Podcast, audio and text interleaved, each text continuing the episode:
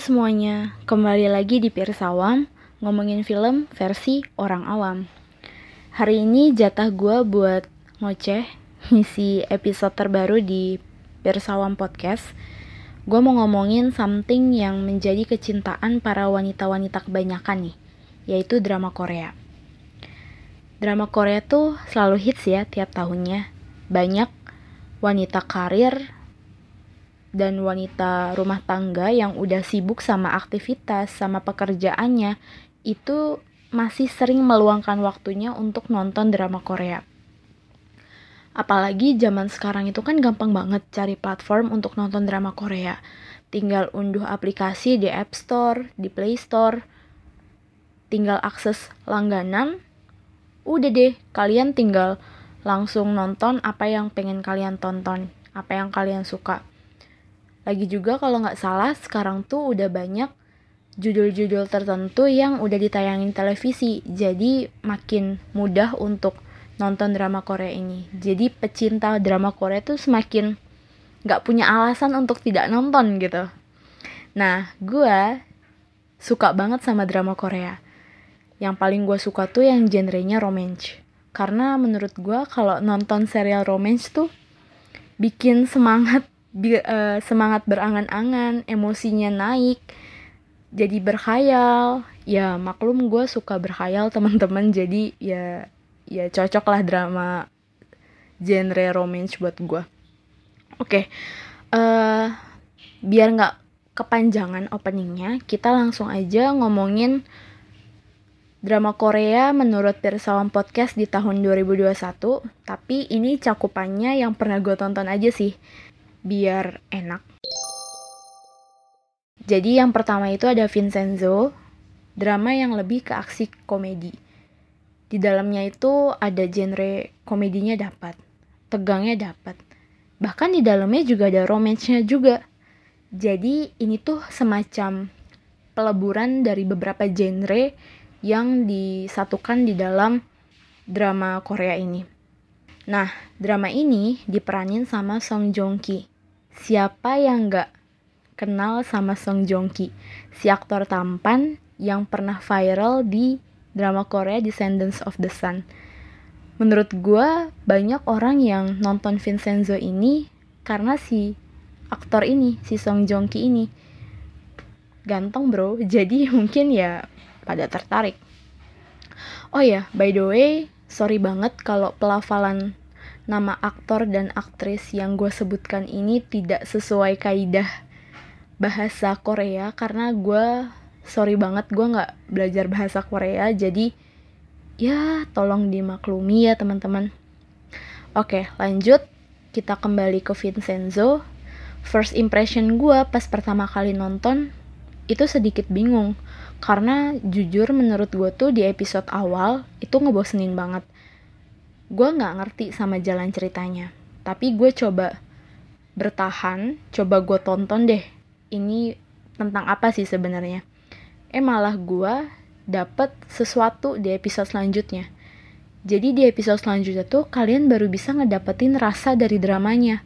Yang tadi gue bilang komedi, tegang, romance, itu tuh baru muncul di episode-episode berikutnya sampai episode terakhir.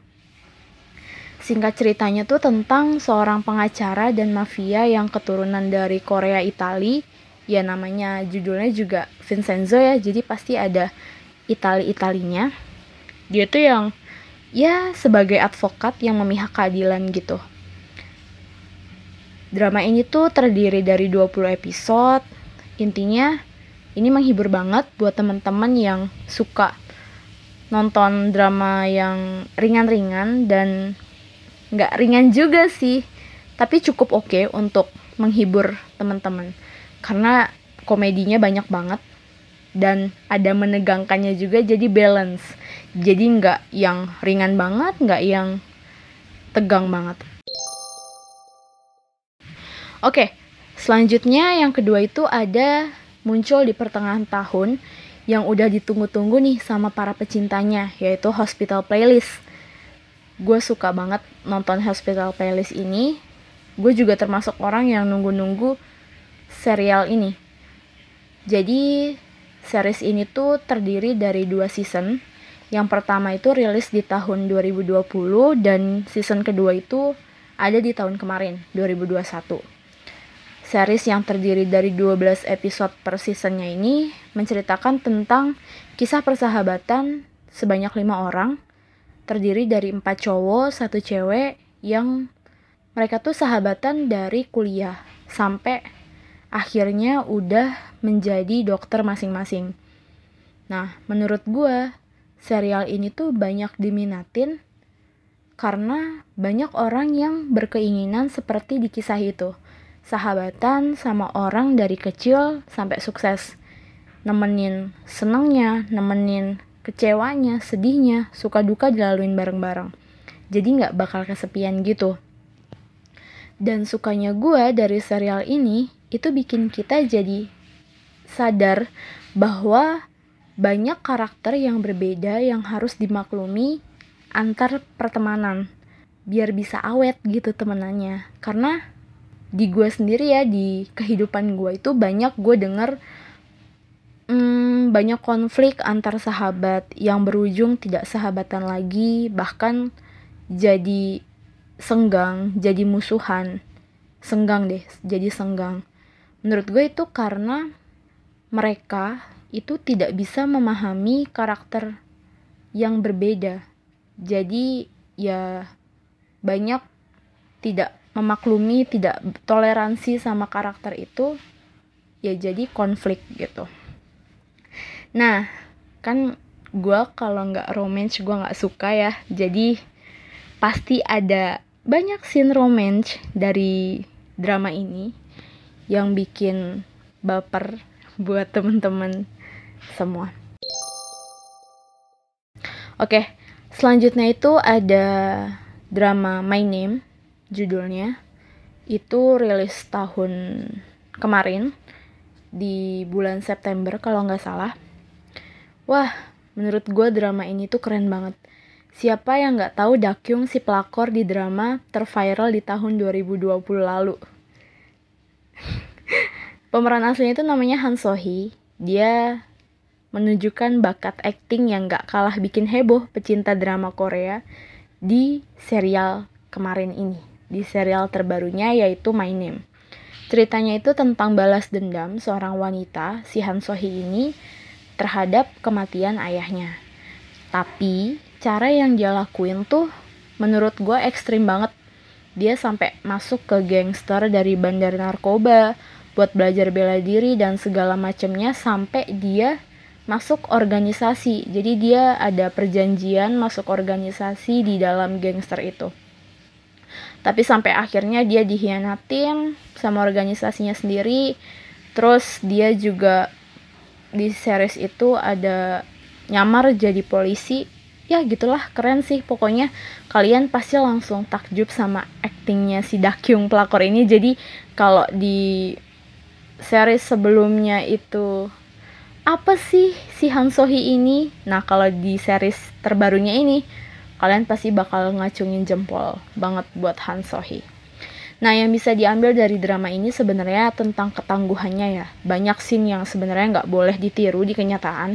Cuma ya namanya drama ya hanyalah drama ya teman-teman. Jadi udah cocok dan udah pas ratingnya juga dikhususkan buat anak berumur 18 plus, udah dewasa jadi udah bisa milih udah bisa mikir mana lah yang bisa diambil mana yang enggak karena banyak ya kayak akibat dari nonton film A, B, C, D itu berdampak jadi bahan pelajaran buat anak-anak yang tidak seharusnya menonton film atau drama itu gitu. Jadi kalian ya harus paham ratingnya dikhususkan untuk umur berapa yang disesuaikan sama kalian. Nah, by the way, si Han Sohee ini di tahun kemarin itu juga main di drama uh, judulnya Neverless bareng Song Kang. Song Kang ini ganteng banget guys. Tapi ya by the way, aktor Korea mana yang gak ganteng? Oke, okay, skip. Ceritanya itu diadaptasi dari webtoon di tahun 2018 dengan judul yang sama, Nevertheless. Ya itulah, gue tertarik itu karena lucu.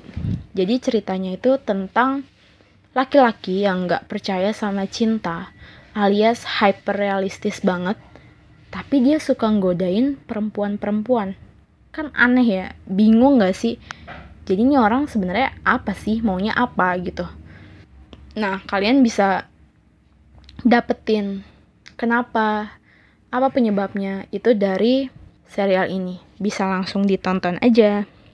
Tapi rating penontonnya juga 18 plus, jadi teman-teman kalau punya adik kecil jangan nonton bareng karena banyak adegan dewasanya juga.